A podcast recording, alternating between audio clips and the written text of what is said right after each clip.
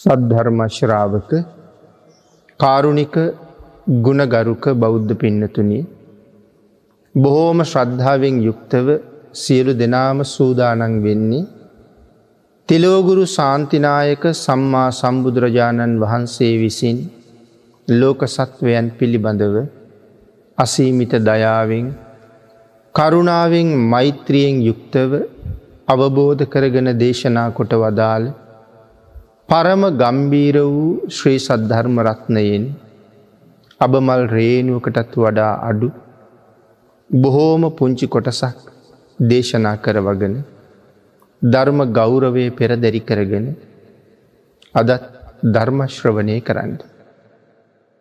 උතුම් ධර්මය ශ්‍රවණය කිරීමෙන් ධර්මය දානය කරවීමෙන් ලැබෙන මහානු භාව සම්පන්න කුසලානි සංසයන්ගේ බලයෙන් ඉතාම ඉක්මං භවයක ඉතාමත්ම කෙටි කාලයකින් සැප සහිත ප්‍රතිපදාවකින් උතුම් චතුරාරි සත්‍ය ධර්මය අවබෝධ කරගෙන සසරින් එතරවීම සඳහා ඒ සියලු පුුණ්‍ය ධර්මයන් හේතු වාසනාවේවා කියල ප්‍රාර්ථනා කරනවා.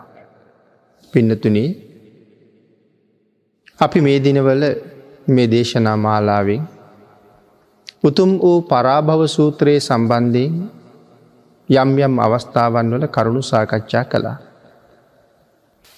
යෝ බ්‍රාහ්මණංවා සමනංවා අඥං වාපි වනි වනිකංකා.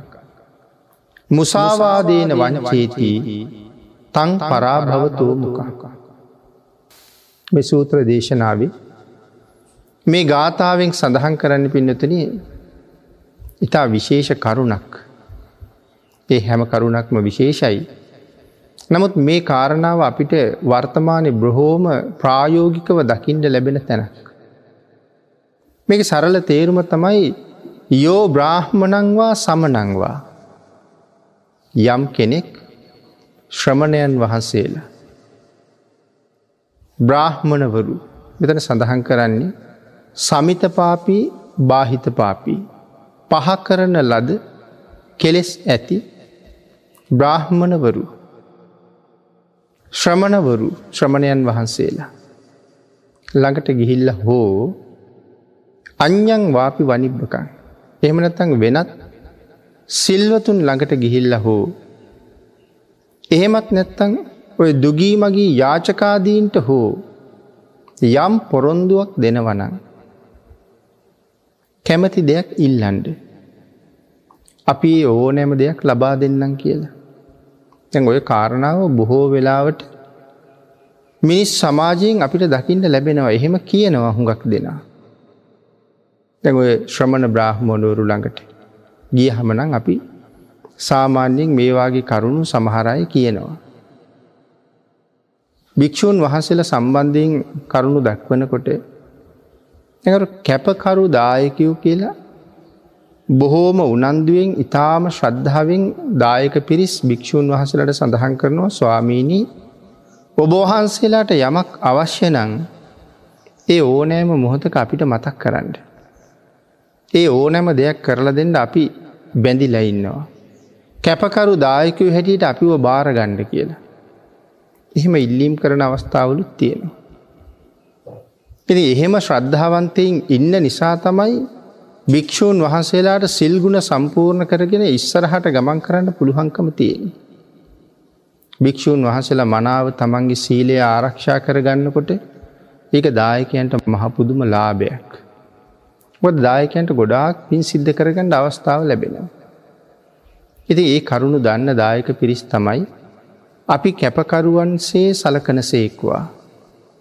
අවශ්‍ය ඕනෑම දෙයක් අපට කියන්ඩ ස්වාමීණි කියලා ඉල්ලීම් කරනවා. ඒක හරීම වටිනවා.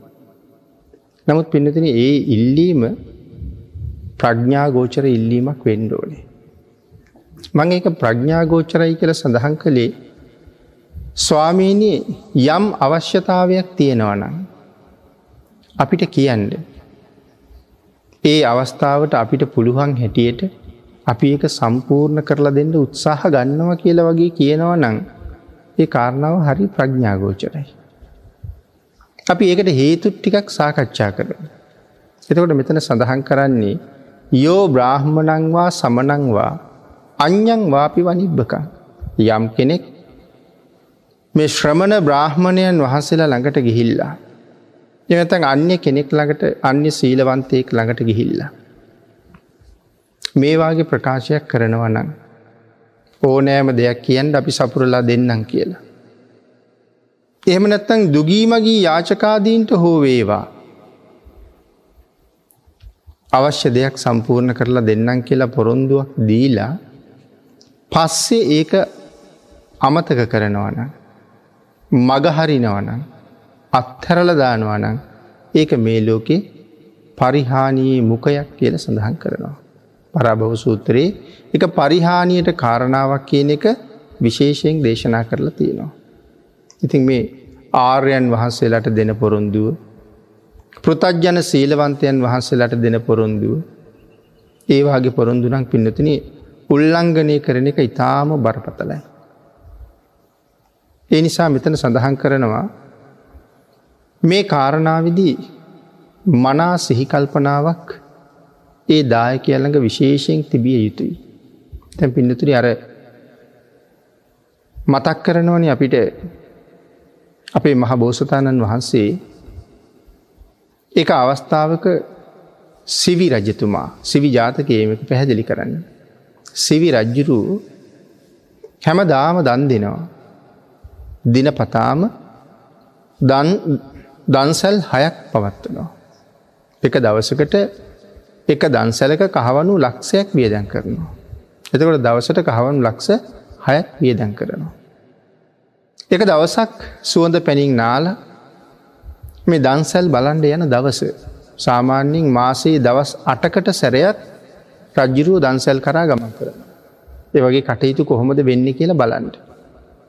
එදා සුවඳ පැනිින් නාලා තමන්ගේ පිරිස සූදානන් වෙලා ගමනට පිටත් වෙලා එනකං රජ්ජිරු ඉස්සරහ ආසනයක වාඩි වෙලා අධිෂ්ඨාන කරනවා මම මේ බාහිර වස්තුවනං ඕන තරන් දන්දීලා තියෙනවා. මේ ලෝකයේ මම නුදුන්නා කියන්න තරම් දෙයක් බාහිර දේවල් නැති තරන්. නමුත් ඒ එකකින්වත් මන් සතුටු නෑ. මං මේ වෙලාවෙ සතුටුයි මගේ මේ ශාරීරික අභ්‍යන්තර දෙයක් දන් දෙෙන්ට තියෙනවනං මට ඒක මහ පුදුම සතුටක්. කවුරු හරි කෙනෙක් ඇවිල්ලා මේ කයේ අභ්‍යන්තර යමක් මගෙන් ඉල්ලනවනං ඒක මොන ලාභයක්ද කියලා කල්පනා කර කර තමයි ඉන්නේ. ඉති මේ සිතුවිල්ල දකිනව සක්‍ර දේවේන්ද්‍රයන් වහන්සේ. සක්‍ර දේවේන්ද්‍රයන් වහන්සේ කල්පනා කරනවා සිවි රජ්ජුරුව කල්පනා කරන මේ දානේ අභ්‍යන්තර දෙයක් දෙන්න නිහිතන්නේ. ඇත්තටම දෙනවමද. ඉල්ලුවොත් දෙන්ඩ මද කියලා බලන්ඩෝන කියලා. තැ රජ්ජුරුව පිරිසත් එක ඇතාගේ පිටේ නැගලා ගමන ආරම්භ කරලා තියෙන්නේ. සක්‍ර දේවේන්ද්‍රියෝ අන්දේකුගේ වෙස් අර්ගෙන රජ්ජුරුව එන පාරි මදක් උස් ස්ථානයක වාඩි වෙලා රජ්ජුරුව එනවා දකිනකොට ජයශ්‍රී මහරජ කියලා රජ්ජුරුවන්ට ආශිර්වාද කර. එතකොට රජ්ජුරුව හැරිල බලනව කකුද කියලා. බලහම මේ අන්ද පුද්ගලයක ඉන්නේ.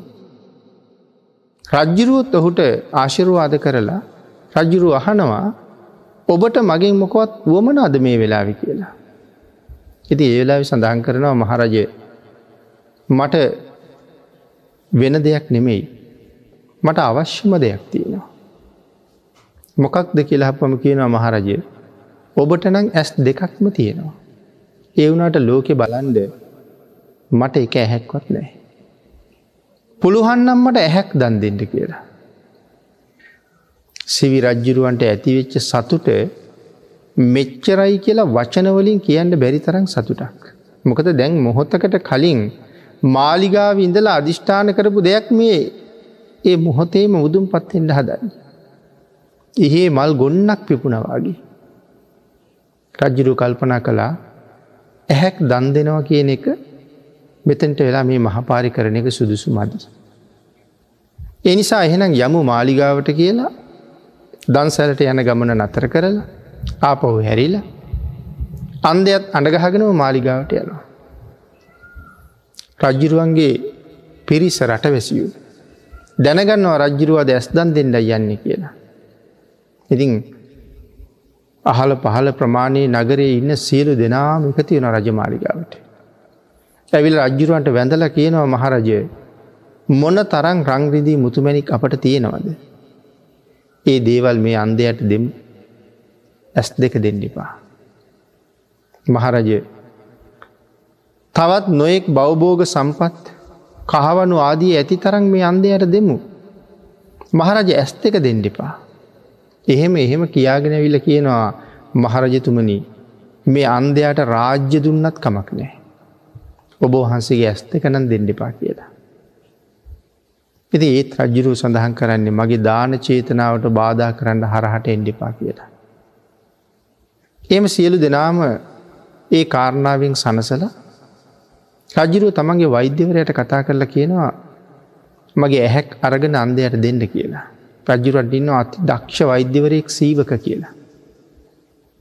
ඇති වෛද්‍යවරය කල්පනා කරන මම කොහොමද මගේ මහරජ්ජුරුවන්ගේ මුවම මුහුණ මැද මේ ඇස් ළඟ පිහියෙන් කපල තුවාල කරලා මේ ඇහැ ගන්නේ එක මට කරන්න බැරි වැඩ.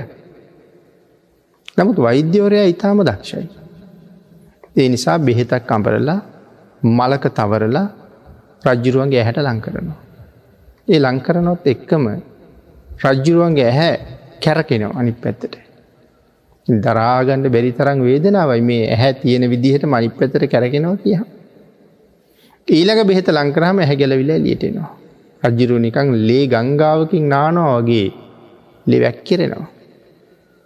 ඇහැ එලියට ආවට පස්සේ අහනව සීවක මහරජතුමනි ඔබ වහන්සේ ඇහැ දෙනවමද. ඔබවහන්සේ දෙන්ඩ අකමැති නං මට පුළුවන් නැවතවතාවක් ඇහැ තිබ්බ විදිහටම මේ ඇස් වලේ පිහිටවන්න. ආං එහෙ මහපුහම රජ්ජුරූ කියනවා සීවක යමෙක් යමෙකුට යමක් දෙන්නම් කියලා මුලින් පොරොන්දු වෙලා පස්සේ බෑ කියනවන. ඒක හරියට බිම වැටිල්ල තියෙන මලපුඩුවක් කරගෙන බෙල්ලෙදාගන්නවාගේ වැඩක්. එත මද්දක් උගුලක් අරගෙන තමන්ම බෙල්ලට දාගන්නවා වගේ වැඩ. නැවත සඳහන් කරනවා සීවක යමෙක් යමිකුට යමක් දෙන්නම් කියලා පස්සේ බෑ කියනවනං ඒ තරම් පෞකාරයෙක් මම දකින්නෑ කියලා. එතකොට අතීත ප්‍රඥාවන්තයෝ යමක් දෙන්නම් කියලා කීවන එක දෙනවම තමයි මොකද ඒ ප්‍රකාශයේ බරපතල බව කර්මය කර්මඵලය හොඳට දැනගෙන හිටිය. ඉති ඒ කාරණාව තමයි මෙතන මේ කිය. නමුත් පින්නතන මේක විශේෂ කරුණක් බවට පත්වෙන්නේ සමහර වෙලාවට අපිත් ගිහිල්ල එහෙම පොරොන්දු දෙනවා. බොහෝ දෙනාට එහෙම පොරොන්දු දෙනවා. නොයෙක් අවස්ථාවන් වල නොයෙක් අයට එහෙම පොරොන්දු දෙනවා සාමාන්‍ය ජීවිතය හිතල බලන්නකු. ඒවාගේ පොරොන්දු කොච්චර වෙනවද අපි කියලා. නමුත් ඒවා ඉෂ්ට කරන්නේ නෑ. ඒකයි මෙතන සඳහන් කළේ මේ හරියටම නුවනින් සලකලා බලලම ඒ ප්‍රතිඥාව දෙන්න ඕන. සමහර වෙලාවට පොරොන්දුව දෙන වෙලාවේ අපි ගාව හොඳට සල්ලි තියෙන්ට පුළුවන්. නමුත් අපි පොරොන්දු වෙච්ච කෙනා යමක් අපෙන් ඉල්ලන වෙලා වෙනකොට අපි ආර්ථිකයෙන් හුඟක් පිරිහිලා ඉන්න පුළුවන්. එතකොට අර කියාපු මට්ටමින් සලකණ්ඩ බැරුව යනවා. නැත්තං සල කන්නම බැරුව යන්නත් පුළුවන්. සමහර වෙලාට අපි පොරොන්දුව වෙනකොට අපි බොහොම හොඳට නිරෝගී සමහරලාට ඉල්ලීම කරනකොට අපි ලෙඩ වෙලා ඉන්න පුළුවන්. යමක් කමක් කර කියාගණ්ඩ බැරි මට්ටමක ඉන්න පුළුවන්. ඒ හැම කාරණාවක්ම සල කණ්ඩෝනේ පොරොන්දුවක් වෙනකොට. ආං ඒකයි සඳහන් කළේ ස්වාමීණි කැමති දෙයක් ඉල්ලන්ඩ. ඒ අවස්ථාව පුළුවන් විදිහට අපි මේ දේවල් සම්පූර්ණ කරලා දෙන්නම් කියලා. එතකොට පුළුවන් විදිහට කියලා පොරොන්දුවක් තියෙනවා. මේ කරුණ පැහැදිලි කරන්න ධර්මය බොහෝ තැන්වල කරුණු විශේෂයෙන් දක්වලා තියෙනවා. පින්නතුනේ අපේ සාරිපුත්තයන් වහන්සේ බුදුරජාණන් වහන්සේගේ එක වෙලාක ප්‍රශ්නයක් අහනවා. ඒත් මේ කාරණාවට සම්බන්ධම ප්‍රශ්නය. මොකද මේ මේ ලෝකෙ ජීවත්වෙන හුඟක් අය මේවාගේ පොරොන්දු වෙලා ඕන තරම් උල්ලංඝනය කෙරෙනවනේ. එතකොට ඒක මෙලව කොහොම විපාක දෙනවද පරලවින් කොහොම විපාක දෙනවද කියන කාරණාව අපි විශේෂයෙන් දැන ගණ්ඩ වටිනවා. මෙලොව පොරොන්දු කඩ කරනකොට අපි අන් අයගේ නින්දාවට භාජනය වෙනවා. දුන්න පොරොන්දු කඩ කරනකොට නින්දාවට භාජනය වෙනවා. ඊළකට සඳහන් කරනවා පරලොවින් ඒක කොහොම බලපානවාද. එක නිරයේ උපද්ධවන්ට හේතුවක් වෙනවා මොකද බොරු කියලා තියෙනවා. යෝ බ්‍රාහ්මණංවා සමනංවා අඥ්ඥං වාපි වනිබ්බකන්. මුසාවාදේන වංචේතිී තම් පරා භවතුවමකන්. ඇයි මුසාවාදයෙන් වංචා කරල තියෙන්නේ. කලින් දෙන්නම් කියල පස්සෙ නොදීන්නවා. ඒ මුසාවාදය නිසා නිරය උපත්තිය ලබනවා. එනම් පරලුවින් විපාක දෙනකොට නිරේ උපදිනවා. ඉන් පස්සේ කවදහරි ආය මනුස්සලෝකකට ආහම්. තමන් ධනය උපයන්ට යම් ව්‍යාපාරයක් වේවා කිසියම් කාර්යක නිරත වෙනවා නං ඒකෙන් අපි බලාපොරොත්තු වෙන ලාබය අපිට ලැබෙන්නේ නැතුව යනවා.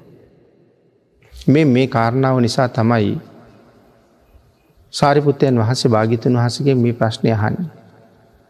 ස්වාමීණි භාගිතුන් වහන්සේ යම් කෙනෙක්.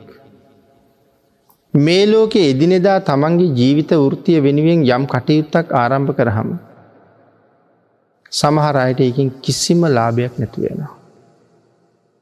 සමහරයටකං යන්තන් පොඩි ආදායමක් ලැබෙනවා එක ලාභයක් නෙමේ යන්තන් පොඩි ආදායමක් ලැබෙනවා. හැබැයි සමහර කෙනෙක් ඉන්නවා ඒ අයට ඒ අය බලාපොරොත්තු උනාද යම් ලාභයක් මේ ව්‍යාපාරයෙන් වේවා ගොවිතැනින් වේවා කිසියම් දෙකින් ඒ අය බලාපොරොත්තු වෙච්ච ප්‍රමාණය ලැබෙනවා හැබැයි ඊට වඩා ලැබෙන්නේ නෑ. තවත් සමහර කෙනෙක් ඉන්නවා යම් ආදායමක් බලාපොරොත්තු උනාද යම් ක්‍රියාවකින් ඒගොල්ලු බලාපොරොත්තුනාට වඩා මහ ලොකු ලාභයක් ලැබෙනවා. ස්වාමීණී මේකට හේතුව මොකක්ද. ආං අපේ බුදුරජාණන් වහස දේශන කරන මේක තියෙන පිනතින වනිජ්‍ය කියන සූත්‍රයේ. වෙළදාම ගැනම තම යහලතිය. වනිජ්‍ය සූත්‍රයේ සඳහන් කරන්නේ. භාගිතුන් වහස දේශනා කරනවා සාරිපුත්ත සමහර අය මේ ශ්‍රමණ බ්‍රහ්මනාදීන්ට සීලවන්තයන්ට දොගී මගී යාචකාදීන්ට මේවාගේ අයට පොරොන්දු වෙනවා උවමනා ආකාරයෙන් ඇපූපකාර සත්කාර කරන්නම් කියලා. ඉති පිඩතන මේ මෙතන කරුණු කීපයක් සඳහන් කරාව මේ ලෝක අපි හෙම පොරොන්දු දෙනාය හොඟ ඉන්නවා. අපි පිනතුන් නුවනින් දන්නවා තව එහෙම පොරොන්දු දීපු ගී දෙනෙක් ඉන්නවාද කියලා. රජවරු එහෙම හරියට අමාරු වැටිනන්නේ. රජවරු සමහර වෙලාවට විවාහ වෙලා අග්‍ර මහේෂිකාවට කියනවා ඇයට තියෙන ප්‍රිය බව නිසා. ඇයට තියෙන ලොල් බව නිසා කියනවා ඔබට කැමති ඕනෑම වරයක් මගින් ඉල්ලන්ට කියලා. අපි එහෙම අවස්ථාව ඕන තරන් ධර්මයෙන් ජාතක කතාවලින් අහල තියෙනවා. නමුත් ඒ කාන්තාව ඒ කියන වෙලාවට ඒ වරය ඉල්ලන්නේ නෑ. දෙකොල්ල එක හිතේ තියාගන්නවා. රජවරු සාමාන්‍යයෙන් සමහර වෙලාවට තවත් කාන්තාවක් අග්‍ර මහේෂිකාව කරගන්නවා. එතකොට කලින් මහේෂිකාව දෙවනි තැනට වැටෙනවා. ආං එවන් අවස්ථාවන් වල අර කලින් තමන්ට කීවන ඕන දෙයක් ඉල්ලන්න කියලා. ආං ඒක ඉල්ලනවා. නමුත් ඒ ඉල්ලන වෙලාවට රජ්ජුරුවන්ට ඒක දෙන්න බැරුවෙනවා. මොකද අලුත් කාන්තාවගේ හිත රිදවන්නත් බැරුවෙනවා. සමහරලාට අලුත් බිරිඳටත් දරුවෙක් ඉන්නවා. පරණ බිරිඳටත් දරුවෙක් ඉන්නවා. තැන් කලින් බිරිඳ රජ්ජිරුවන්ගෙන් ඉල්ලීමක් කරන මගේ පුතාට රජකම දෙන්න කියලා. තැඟිතකට නව බිරිඳත් එක බලාපොරොත්තුවෙන් ඉන්නවා. අර හිතා මතා කටයුතු නොකරපු නිසා අමාරු වැටෙන තැන්. ඉතින් ඒවාගේ පොරොන්දු දීලා යම් කෙනෙක් ඒ පොරොන්දුව ඉෂ්ට කරන්නේ නැත්තං ආං ඒ අයි තමයි පළමුුවම සඳහන් කරනවා මෙලොව නින්දාවට භාජනය වෙනවා. දැ හිතන්නකෝ යමෙක් බොරු කියනව නං ඒ පුද්ගලයා ඉස්සරලාම නින්දාවට භාජනය වෙන්නේ තමන්ගේ ගෙදරින්මයි. ඒ ගෙදරයගෙත් විශ්වාසය නැතුව යනවනි. දැපිකිම අපේ තාත්තා. අපේ අම්මා. මේ නොයෙක් දේවල් කියනවා ගෙදර ඇත් එක්ක. හැබැයි සම්පූර්ණ කරන්නේ නෑ. ආං ඒ නිසා අපිට මැහෙනවා සමහර වෙලාවට දරූ කියනවා අපේ තාත්තා කියන දේවල් කවදාවත් කෙරෙන වැඩ නෙමේ. අපේ තාත්ත ඔව කියන්නේ කරන්න නෙමෙයි. අපේ අම්ම ඔහොම කියන්නේ කවදාවත් කරලත් නෙමේ කරන්නත් නෙමේ කියලා අපි කියන අවස්ථා ඕන තරන් තියෙනවා.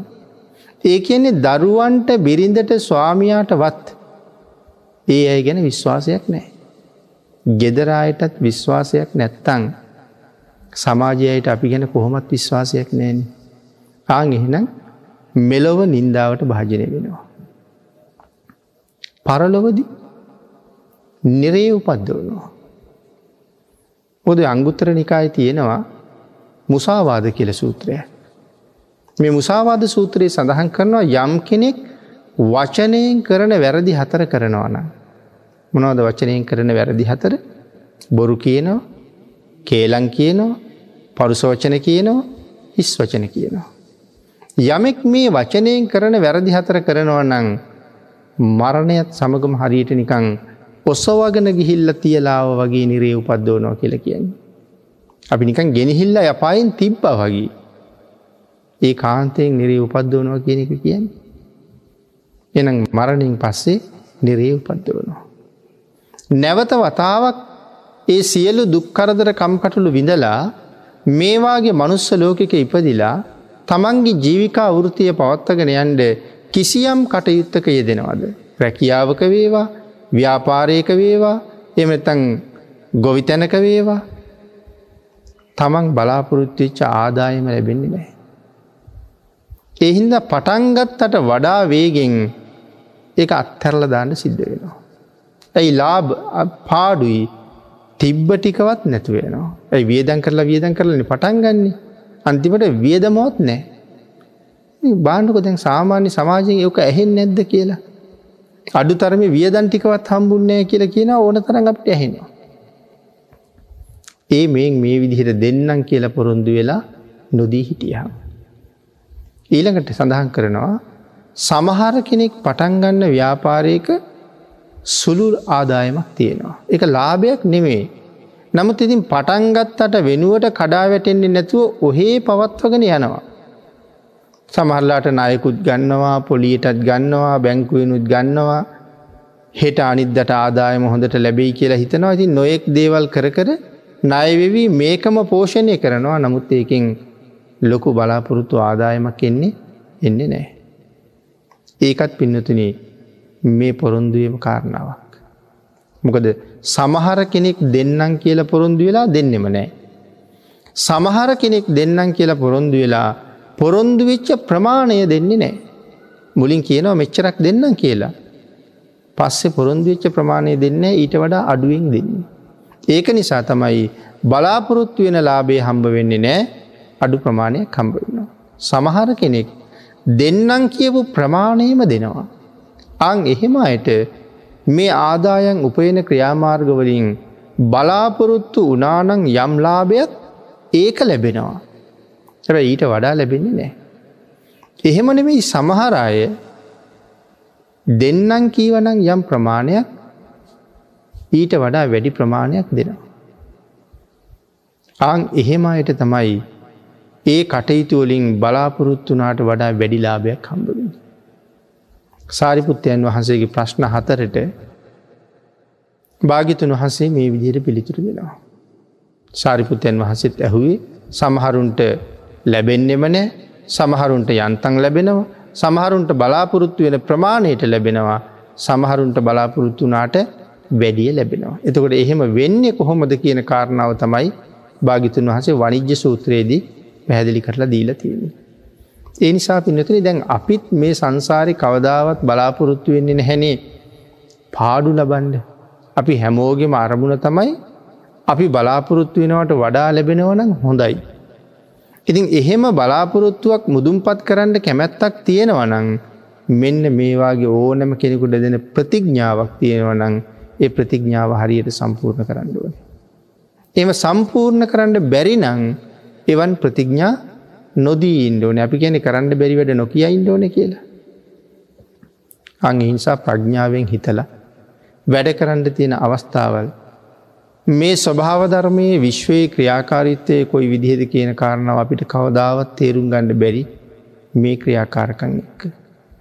ඒ නිසා භාගිතුන් වහස දේශනා කළා යමෙක් එහෙම දෙන්නම් කියලා පස්සෙ නොදී ඉන්නවනං.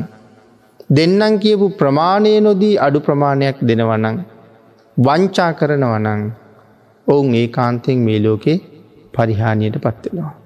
ඒ කාරණාව පැහැදිලි කරන්න. ධර්ම කාරණාවක් මේ විදියට සඳහන් කරලා තියෙනවා අතීත කතාවක්.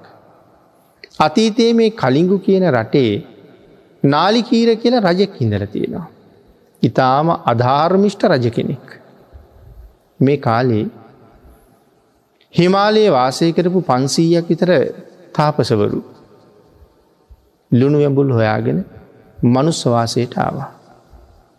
මිනිස්සු මේ තාපසවරු උයනේ නතර කරලා ඇප උපස්ථාන කරමින් සත්කාර සංග්‍රහ කරමින් අත්පා මෙහෙවර කරමින් මේ තාපසවරුන්ගෙන් බණහගන්නවා.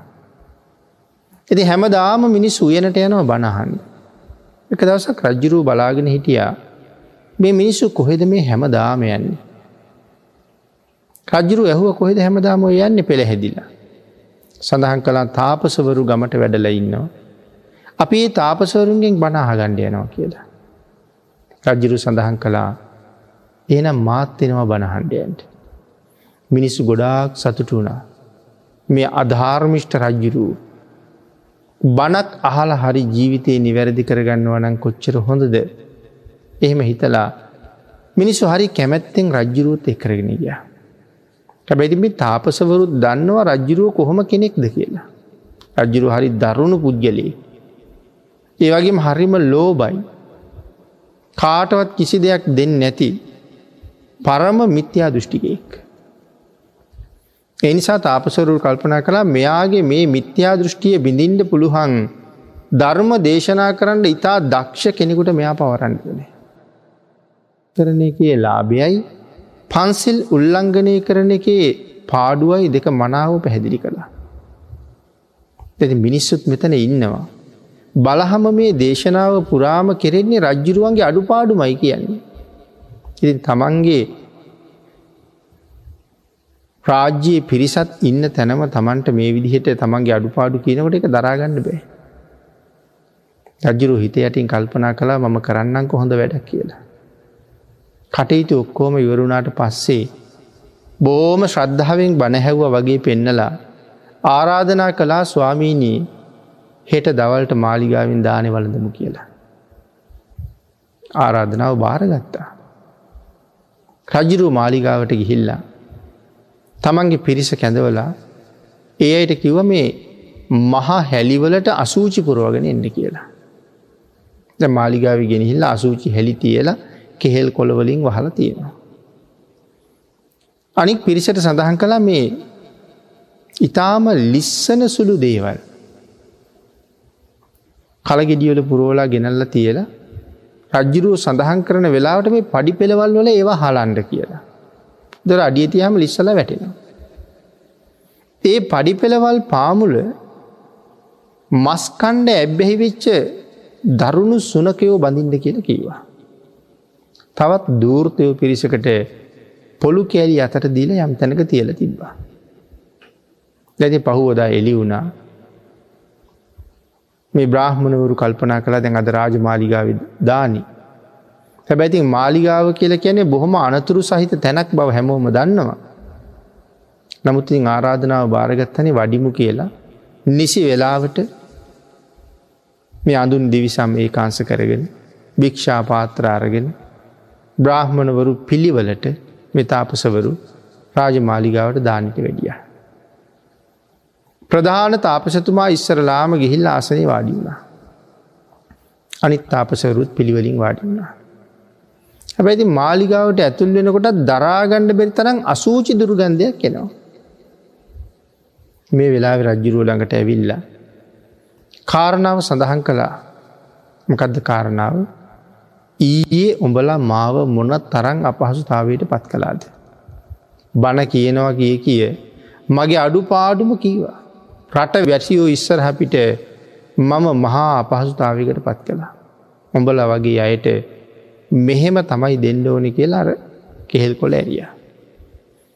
ඇරලා දැන් හැන්දකට අසුචි අරගෙන තාපසතුමාගේ පාත්‍රයට බෙදන්ඩ ලෑස්ති වෙනකොට ප්‍රතික්ෂේප කළා. ප්‍රතික්ෂේප කරලා නැගිට ඉන්ඩයි හදන්නේ. ත නැගිටලා ආපහු වඩිනකොට අර පොළු කෑලි අරගෙන හිටපු පිරිස පහර දෙන්න පටන් ගත්ත. පොළුවලින් ගහනවා. තැන් පඩිපෙළින් බහින්ඩෝනි. අර ලිස්සන දේවල් පඩිපෙළේ හලල් ලතියනෙ දැ. දැන් අර පහර කාගෙන පඩිපෙලට යනකොට ඇද වැටෙනවා. ඇද වැටුන හම රෝල් වෙලා රෝල් වෙලා ගිල බිම වැටෙනවා. එතකොට බිම ඉන්නවාර බල්ලු සුනකයෝ බැඳල. තාපසයන්ගේ මස් ඉර ඉරා කනවා. සඳහන් කරනවා යම් තාපස කෙනෙක් කිසියම් ආකාරයකින් එතනින් වැටිලත් නැගිටලා පණ බේරගෙන දුවන්ඩ හැදුවනං මේ දරුණු සුනකයෝ පස්සෙන් පන්නගෙන ගිහිල්ලා. බිම පෙරලගෙන මස් ඉර ඉරා ඇදල කනවා කියලා. තාපසෝරු පන්සිය දෙනාගේම ශරීර මාංස අවසන් කරලා ඇටකෝටු ගොඩක් බවට පත් කළා. මේක ප්‍රතිඵලයක් හැටියට රජ්ජිරුව මරණයෙන් පස්සේ අති භයානක දුක් සහිත මහනිරේ ඉපදිලා නිමක් නැති දුක්කන්දරාවක් විින්දනය කළා. එතකට මෙතන සඳහන් කරනවා යමක් දෙන්නම් කියලා. පොරොන්දු වෙලා ප්‍රතිඥ්ඥා ගාතය කරනවනම් ප්‍රතිඥ්ඥා ගාතය කියල කෙන පොරොන්දුව කඩ කරනවනම්. ඒ කාන්තයෙන් ඊළඟාත්මි නිරයේ ඉපදෙන්ට සිද්ධ වෙනවා. රජ්ජිරුව මේ කරපු ක්‍රියාව සම්බන්ධයෙන් මහජනතාව අතර රජ්ජිරුව දැඩිසේ අප්‍රසාදයට පත් වනා. මරණින් පස්සේ රජ්ජුරු නිරේ ඉපදෙනවා. තින් නැවත ඉපදුන හමත් මේ වගේ විපාක නිමක් නැති විදිහට විඳින්න සිද්ධ වෙනවා. ආං ඒ නිසා මේ කරුණු පැහැදිලි කරමින් භාගිතුන් වහස දේශනා කරනවා. යම් පොරොන්දුවක් ප්‍රතිඥ්ඥාවක් තියෙනවනං යම් කෙනෙකුට යමක් දෙනවා කියල. ඒ ප්‍රතිඥ්ඥාව ඒ කාන්තයෙන් සම්පූර්ණ කරන්න ඕනේ. දෙන්නම් කීවොත් දෙන්ඩ මෝනේ. ඒකයි ඉසිවි රජ්ජිරූ සඳහන් කළේ යමෙක් යමෙකුට යමක් දෙන්නම් කියලා. පස්සෙ බෑ කියල කියනවනං ඔහු තරන් මහ පව්කාරයෙක් නෑ කියල කීවේ මෙන්න මේ කාරණා ඔක්කොම එකතු කරගෙන. එක දරුණු අකුසල කරමය. ඒ නිසා පින්නතින අපිත් හැම වෙලාම සිහිය ප්‍රඥාව පාවිච්චි කරන්න ඕනේ. සිහිය ප්‍රඥාව පාවිච්චි කරලම ප්‍රතිඥාවක් දෙන්න ඕනේ. තැන් අදනම් කොච්චර අපි මේවාගේ දේවල් දකිනවද. අපි වෙළඳ පොලකට ගිහිල්ල මුදලක් දීලා ඒ මුදලට වට ගැලපෙන යම් භාණ්ඩයක් ඉල්ලහම අපිට සමහරලාට ඒකවත් ලැබෙන්නේ න. ඒ වෙලෙන්දා අපිව වංචා කරනවා. අපි දෙන මුදලට සුදුසු දේ නෙමෙයි අපිට හම්බ වෙන්නේ ඊට වඩා බාල දෙයක්. සමහර වෙලාවට හාල් ටික සීනි ටික මේවාගේ දෙයක් අරගණ්ඩ ගිය හමත්. සමහර අය මේ කිරණ මනින උපකරන සඟවගෙන කිරලා මැනලා සීනි පන්සීයක් ඉල්ලහම ග්‍රෑම් කීපයක් හරි අඩු කරගණ්ඩම තමයි බලන්න. තමන්ගේ පැත්තට ලාබෙ වැඩි කරගෙන පාරිභෝගිකයට අඩුවෙන් දෙන්නේ. ඇඳුමක් ගණ්ඩ ගියත් එහෙමයි. වෙනත් උපකරණයක් අරගණ්ඩ ගියත් එහෙමයි. මේ වංචාව හැම තැනම අපි දක්නවා. නමුත් ඒ අය කී කාලයක් ජීවත්තෙන්ට හිතාගෙන දේ වංචාව කරන්න. තැන් බොරු පොරොන්දු දෙනවා කියල කිය හම මේ කාලෙ හිතල බලන්ඩකෝ මිනිස්සුන්ට දෙන පොරුන්දු ගොඩ සමහරලාවට රාජ්‍යින්ල දහරියෙක් වෙන්ඩ පුළුවන්. මැති ඇමතිවරයෙක් වෙන්ඩ පුළුවන්. මහජනතාවට කොයි තරං බොරු පොරොන්දු දෙනවාද. නමුත් ඒව කවදාවත් සම්පූර්ණ කරන පොරොන්දු නෙමේ. සමරලාට චන්දය ලබාගන්න තුරු පාරහදල දෙන්නම් කියනවා. පාලම හදල දෙන්නම් කියල කියනවා. තවත් නොයෙක් දේවල් කියනවා. විහාරස්ථානවලට ගිල ස්වාමීන් වහන්සේලටත් ඒවාගේ බොරු ප්‍රතිඥාව ඕන තරන් දෙනවා. නමුත් ඒ ධර්මය ගැන නොදැනක දෙන ප්‍රතිඥාවන්ගේ අයහපත් විපාකය සංසාරයේ සුළු පටු නෑ කියන කාරණාව තමයි අපිට මෙතන විශේෂයෙන් මේ සඳහන් කරලා තියෙන. ආං ඒ නිසා බුද්ධාන්තරයක් ලැබිල තියෙන වෙලාවි. කර්මය කර්මඵලය පිළිබඳව මනාව දේශනා කරලා තියෙන වෙලාවි. අපි හැම වෙලාම උත්සාහ කරන්න ඕනේ. මේ බුද්ධාන්තරයෙන් මේ සංසාර ස්වභාවයේ මැනවින් පැහැදිලි කරලා විස්තර කරලා කරුණු දක්වලා නොදන්න මග එලි පෙහෙලි කරලා. හරියට යටිකුරු කරලා තිබුණ භාජනයක් උඩුකුරු කලා වගේ. අඳුරේ තෙල් පහනක් දල්වනවා වගේ මේ සංසාරය අන්දකාරයෙන් වෙලිල හිටපු මොහොතක තිලෝගුරු භාගිතුන් වහස පහළ වෙලා හැබෑ සසර ස්වභාවය අපට පෙන්නලා තියෙන වෙලාවක. මරණය දැක දැක ජීවත්වෙන මේ ජීවිතය නිරන්තරයෙන් අකුසල කර්මයන්ගෙන් ආරක්ෂා කර ගණ්ඩුවනේ.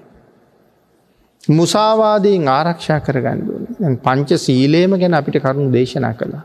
මෙතන කතා කරලා තියෙන මුසාවාදය ගැන විතරයි. දැ යම් කෙනෙක් කවදාවත් හිතන් නෑ පින්නතින මේ බොරුවක් කියනවා කියන එක මේ තරම් බරපතල පාපකර්මයක්ද කියලා. ඒ නිසා අපිට බේරෙන්ඩ ඕන වෙච්ච ඕනැම වෙලාවක බොරුවක් කියන්න අපි කීයටවත් පැකිලෙන්නේ. නමුත් මෙතන හිතල බලන්ඩකු හරියට ඔසවලා ගෙන්හිල්ල නිරයෙන් තිබ්බ වගේ නිරේ උපද්දවනවා කියලා කියන්නේ. ඉ තාමත් අපේ ජීවිත මුසාවාදයෙන් යුක්ත නං. තාමත් අපට බැරිවුණානං මුසාවාදයෙන් මිදෙන්ඩ. තාමත් මේක බරපතලකම තේරුම් ගණ්ඩ අපට බැරිවුණා නං. අපි තාමත් ඉන්නේ මේ නිරේ දිහාට හැරිලා. නිරයේ දොර ඇරගත්ත පිරිසක් හැටියට යපි තාමඉන්න. ආං ඒක නිසා හැම මොහොතකම උත්සාහ කරන්න ඕනෑ මුසාවාදයෙන් විතරක් නෙමෙයි මේ පංච සීලේම උල්ලංඝනය කරන එකින් අත්මිදෙන්ට. එහි වටිනාකම නිරන්තරයෙන් කල්පනා කරලා තියෙන්ඩෝන. ොද අපි මේ සංසාරයේ ඔය සීලය දන්නේ නැතුව මොන තරං සසර අතරමං වුණාද. කොයි තරං සංසාරය දුක්වින්දද. සීලේ ගැන දන්නේ නැති නිසා. මේ සීලේ ගැන කතා කරනට අපි නිතර නිතර සඳහන් කරනවා මේ ලෝකවද්‍ය ශික්ෂාපද සහ ප්‍රඥ්ඥප්තිවද්‍ය ශික්ෂාපද කියලා කොටස් දෙකක් තියෙනවා කියලා. පන්සිල් ගැන කතා කරනකොට මේක සම්පූර්ණ ලෝකවද්‍යයි. ඇයි ලෝකවද්‍යයි කියල කියන්නේ බුදුරජාණන් වහන්සෙනමක් ලෝකෙ පහළ වුණ කාලිත්. බුදුරජාණන් වහන්සේ ලෝකෙ පහළ නූන කාලිත් මේ කරුණු එක විදිහටම පවතිනවා. බුද්ධෝත්පාදයකත් අබුද්ධෝත්පාදයකත් ප්‍රාණගහත කළොත් ඒක ප්‍රතිඵලය ඒ කාන්තෙන් නිරේ උපද්දවනවා. හොරකං කරනවා නම් වැරදි කාමසේවනය කරනවා නම් මේ විදිහට මේ කාරණා පහ යමෙක් උල්ලංඝනය කරනවා නං ඒ කාන්තයෙන් නිරේ උපද්දවනවා එක බුද්ධෝත් පාදය අබුද්ධෝත් පාදය කියල බේදයක් නෑ. ඒ නිසා තමයි මේවට කෙනෙ ලෝකවද්‍ය ශික්ෂාපද. ප්‍රඥ්ඥප්ති වද්‍යය කියල කියන්නේ නිවන උදෙසා ආරක්ෂා කළ යුතුයි කියලා බුදුරජාණන් වහන්සේ විසින් පනවපු සිල්පද ප්‍රමාණයක් තියෙනවා. දැ අට සිල් සමාදන් වෙනකොට විකාල භෝජනා වේර මනිසික්කා පදන් සමාධයාමි කියලා අපි ශික්ෂාපදයක් සමාදන් වෙනවා හයවිනි ශික්ෂාපදය. එතකොට රාත්‍රියයට යම් කෙනෙක් විකාල භෝජනය කළොත්. ඔහු නිරයේ යනවා කියලා ධර්මය සඳහන් කරලා නෑ. විකාල භෝජන ශික්ෂාපදය කඩාගත්ත කියලා නිරේ යනව කියන කාරණාවක් සඳහන් කරන්නේ නැහැ. නමුත් භාගිතුන් වහන්සේට අකීකරු වෙච්ච නිසා. අපිට නිවන තවත් ඇත්තෙනවා. නච්ච ගීත වාදිත ආදී වශයෙන් ශික්ෂාපද තියෙනවා. ගීතයක් කිව්ව කියලා. මේවාගේ දේවල් වලින් අපිට නිරේට හේතුවක් හැදින්නේ. වක්්‍රාකාරව හැදෙන ක්‍රම තියෙනව පින්නතුමි. දැන් තන්හාාවක් තියෙන නිසානෙ දැන් ආහාරයත් තන්හාාවක්නෙ භාගිතුන් වහසේ ඒ තන්හාාවෙන් ඇත්වෙන්ඩනේ තුන්වෙලින් එක වෙලක් අත්හරින්ට කියලා දේශනා කළේ ආහාරයේ පිළිබඳව තියෙනවනං යම් තන්හාාවත් ඒ තන්හාාව අඩු කරගණ්ඩ තමයි තුන්වෙලින් එක වෙලක් අත්හරින්ට කියලා දේශනා කළේ. සමහර කෙනෙක් නම් තුන්වෙලින් දෙවේලක් අත්හරිනවා. මොද ආහාරය ගැන තින තන්හාාවක්. හැමදාම රාත්‍රියයට අනුභව කරලා පුරුදු කෙනාට රෑවෙනකොට ආහාර ඕනේ. මොකද ඒ වෙලාව එනකොට මේක කෑම කන වෙලාවයි කියල සංඥාවක් තියෙනවා. හැබැ රාත්‍රී භෝජනයෙන් දිගටම වෙන් වෙලා ඉන්න කෙනාට මේක කෑම කන වෙලාවනි කියලා එහෙම සංඥාවක්වත් මතකයක්වත් වුවමනාවක්වත් ඇතිවෙන්නේ නෑ. ඒ තන්හාාව නැති කරලා. හොරකං කරන්නේ කොහොමත් තන්හාාවට වැරදි කාමසයවනට ඇනි කොහොමත් තන්හාාවට බොරු කියන්නෙත් තන්හාාව නිසා. රහමෙර පානය කරන්නෙත් තන්හාාව නිසා. එතකොට මේ ගීත කියන්නෙත් තන්හාාව නිසා. නැටුම් ගැයුම් වැයුම් බලන්ඩ යන්නෙත් ඒ සම්බන්ධයෙන් තියෙන තන්හාාවක් නිසා. ඉතින් භාගිතුන් වහසේ මේ ප්‍රඥ්ඥප්ති වද්‍ය ශික්ෂාපද පනවලා තියෙන්නේ ඒ තන්හාාවෙන් ක්‍රමක්‍රමයෙන් ක්‍රමක්‍රමයෙන් අපි ඉවත් කරවන්න ඕන නිසා. තන්හාාව ශයකරපු තැන නිවනයි. එන මේක දවසින් දවස වඩනවට වඩා ක්‍රමක්‍රමයෙන් ඉවත් කරන්න නෝන. ඒකට ඒ ශික්ෂාපද තියෙන්නේ. ඒව ප්‍රඥ්ඥප්තිවද්‍යයේ භාගිතුන් වහස පනවපු නිසා.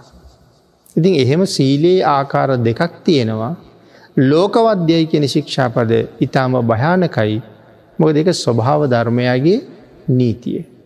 උල්ලංගනය කරහම ඒ කාන්තයෙන් නිරය උරුම වෙන නිසා. එතකොට මේ ශික්ෂාපද ටික භාගිතුන් වහන්සේ අපිට කියල දුන්නේ නැත්තං. මේ සංසාරය පින්නතන අපි යොක දන්නේ නෑන. අබුද්ධෝත් පාද කාලයක අපි යොක දන්නේ නෑ. බුද්ධෝත් පාද කාලයක තමයි ලෝතුරා බුදුරු අපිට මේටික කියල දෙන්න. නමුත් අදත් ඕක නොදන්න හුඟක් අය හිතාගෙනන්න බුදුරජාණන් වහන්සේ අපිට කරදර කලා කියලා.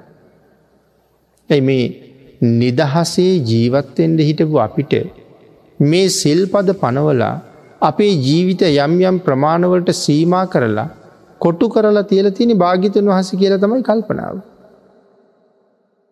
මහාකල්ප අසංක්‍ය හතරයි ලක්ෂ එකක්.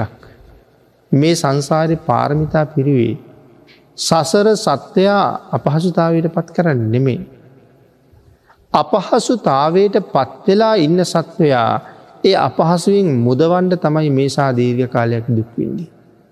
එනිසා මේ සිල් පද ගැන කියල දුන්නේ කිසි සේත් අපිට කරදර කරන්න නෙමේ පින්නතුනි. අපි කරදරයෙන් මුදවන්ඩ. තාන් ඒ නිසා ශ්‍රද්ධාව ඇති කර ගණ්ඩුවනේ. ශ්‍රද්ධාව උපද්දවලා ශ්‍රද්ධාව මත පිහිටලා භාග්‍යතුන් වහස කෙරෙහි පැහැදීම ඇති කරගෙන අපි හැම වෙලා උත්සාහ කරන්න ඕනෑ මෙ සිල්පදය ආරක්ෂා කරගන්නට. ආං එවන් පුද්ගලයකුට තමයි දුකක් නැතුව සිල් රකින්න පුළුවන් වෙන්න. ශ්‍රද්ධාවන්තයට පුළුවන් දුකක් නැතුව සිල් රකිට. ශ්‍රද්ධාව නැති කෙනාට සිල් රකිනවා කියන එක කරදරය. ඒක දුකක් බවට පත්තිනවා. අං එනිසා ශ්‍රද්ධාව උපදව ගත්ත කෙනාට මේ සංසාරින් එතරයන්ට ලොකු පහසුවක් වීම. බුදුරජාණන් වහන්ස පිළිබඳව ගෞරවය ඇති කරගෙන භාගිතුන් වහන්සේගේ දේශනාව පිළිබඳව ගෞරවේ ශ්‍රද්ධාව ඇති කරගෙන තුනුරුවන් කෙරෙහි අප්‍රමාණ ගෞරවයෙන් භක්තියෙන් යුක්තව භාගිතුන් වහසේ දේශනා කරපු මාර්ගයේ යමෙක් ඒ විදිහටම ගමන් කරන්න කටයුතු කරනවනං එවන් අය බොහොම සතුටු සිතින් මරණයට පත්වෙන්ට පුළුවන් අය. එනිසා පින්නතුන එවන් අය මෙලව පිරිහෙන්නෙත් නෑ එවන් අය පරලොවදි පිරිහෙන්නෙත් නෑ. මෙලවත් ජයගන්නවා පරලොවත් ජයගන්නවා අන්තිමට බලාපොරොත්තු වෙන නිවන දක්වාම ගමන් කරලා මේ සසරත් ජයගන්නවා. එවන් ගමන කියන්න බුද්ධාන්තරයක ලැබිච්ච උතුම් මනුස්ස ජීවිතයකින් අපිට තියෙනෙ මහ පුදුම පිටුහලක් රැකවරණය. මේ අවස්ථාව නිතර නිතර ලැබෙන්නේ. ලැබිල තියෙන අවස්ථාවෙන් ප්‍රයෝජනාරගෙන මේ අනගී අවස්ථාවෙන් ලැබිය යුතු ප්‍රයෝජනය උපරිමයෙන් නෙලාගණ්ඩ කටයුතු කරලා වහ වහා සතරපායෙන් මිදිලා මේ සංසාරයේ කෙරවල කරන්න තුනුරුවන්ගේ ආශිරවාදයෙන් ඔබ සියලු දෙනාටම ශක්තිය දහිරිය භාග්‍ය වාසනාව උදාවේවා කියලා ආශිරවාද කරනවා.